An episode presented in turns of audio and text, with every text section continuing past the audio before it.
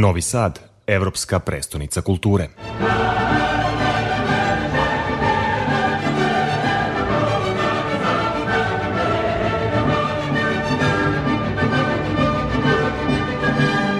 Predstavljen je veći deo programa koji bi trebalo da Novom Sadu da tu dimenziju Evropske predstavnice kulture sledeće godine.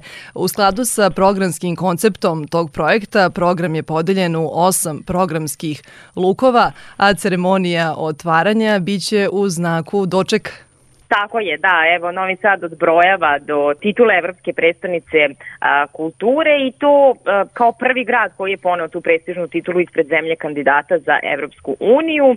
A, kao što si i ti navela, program će biti raspodeljen u osam programskih lukova i ono sa čime krećemo je svakako doček kao programski luk koji se pozicionirao kao brend u Novom Sadu. Vrhunac je svakako svečano otvaranje 13. januara koje će obeležiti multimedijalna predstava Zeniteum 2022 reditelja Draga Dragana Živadinova koja će kroz kulturu i umetnost zapravo slaviti velika imena srpske nauke Milevu Marić Anštajn i Milutina Milankovića.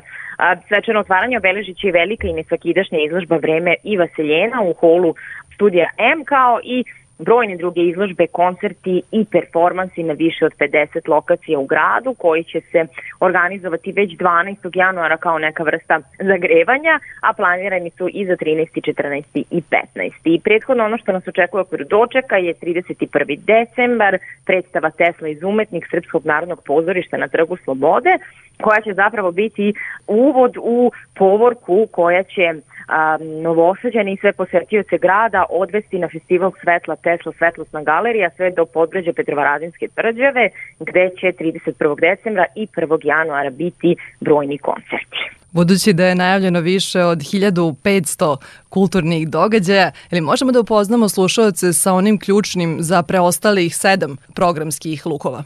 Svakako da da, ono što je bitno da kažemo jeste da je veći deo programa na sajtu Novi Sad, Evropska predstavnica, kulture, a ono što možemo da e, izdvojimo kao neke ključne programe za osam programskih lukova, e, evo da krenemo od programskog luka Seobe koji ide odmah posle dočeka i koji počinje na dan grada Novog Sada 1. februara i to operom Srpskog narodnog pozorišta Vladimir i Kosara. Taj programski luk takođe će obeležiti i dve velike izložbe koje će prvi put na jedinstveni način um, ispričati priču Novog Sada i to u realizaciji Muzeja grada Novog Sada i Muzeja Vojvodine što se tiče budućnosti Evrope, programski luk koji obuhvata programe za decu i mlade od dece i mladih. Tu ćemo imati čak četiri pozorišna festivala, takođe i razne izložbe i debate. Žensko stvaralaštvo slavi programski luk a, heroine koji će biti a, otvoren jedinstvenim multimedijalnim programom Mileva zbog kog se i renovira Muzej grada Novog Sada, a tu bih svakako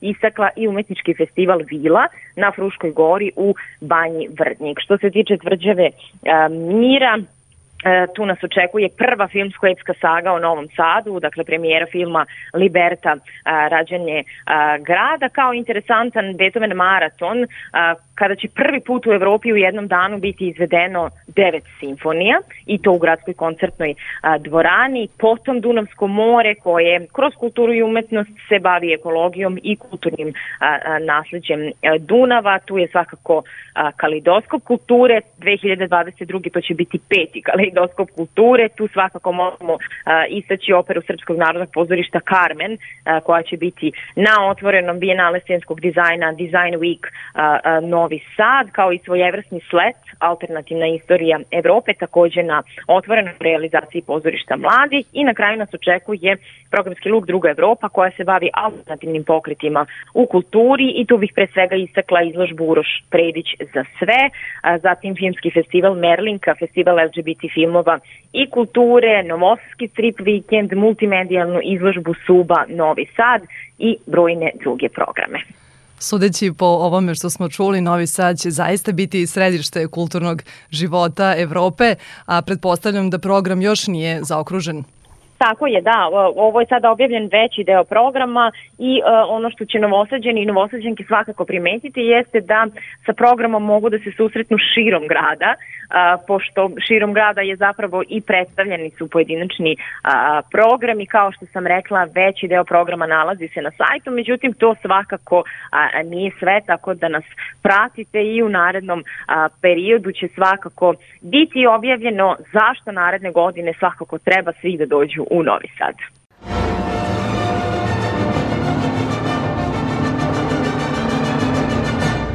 Novi Sad, evropska prestonica kulture.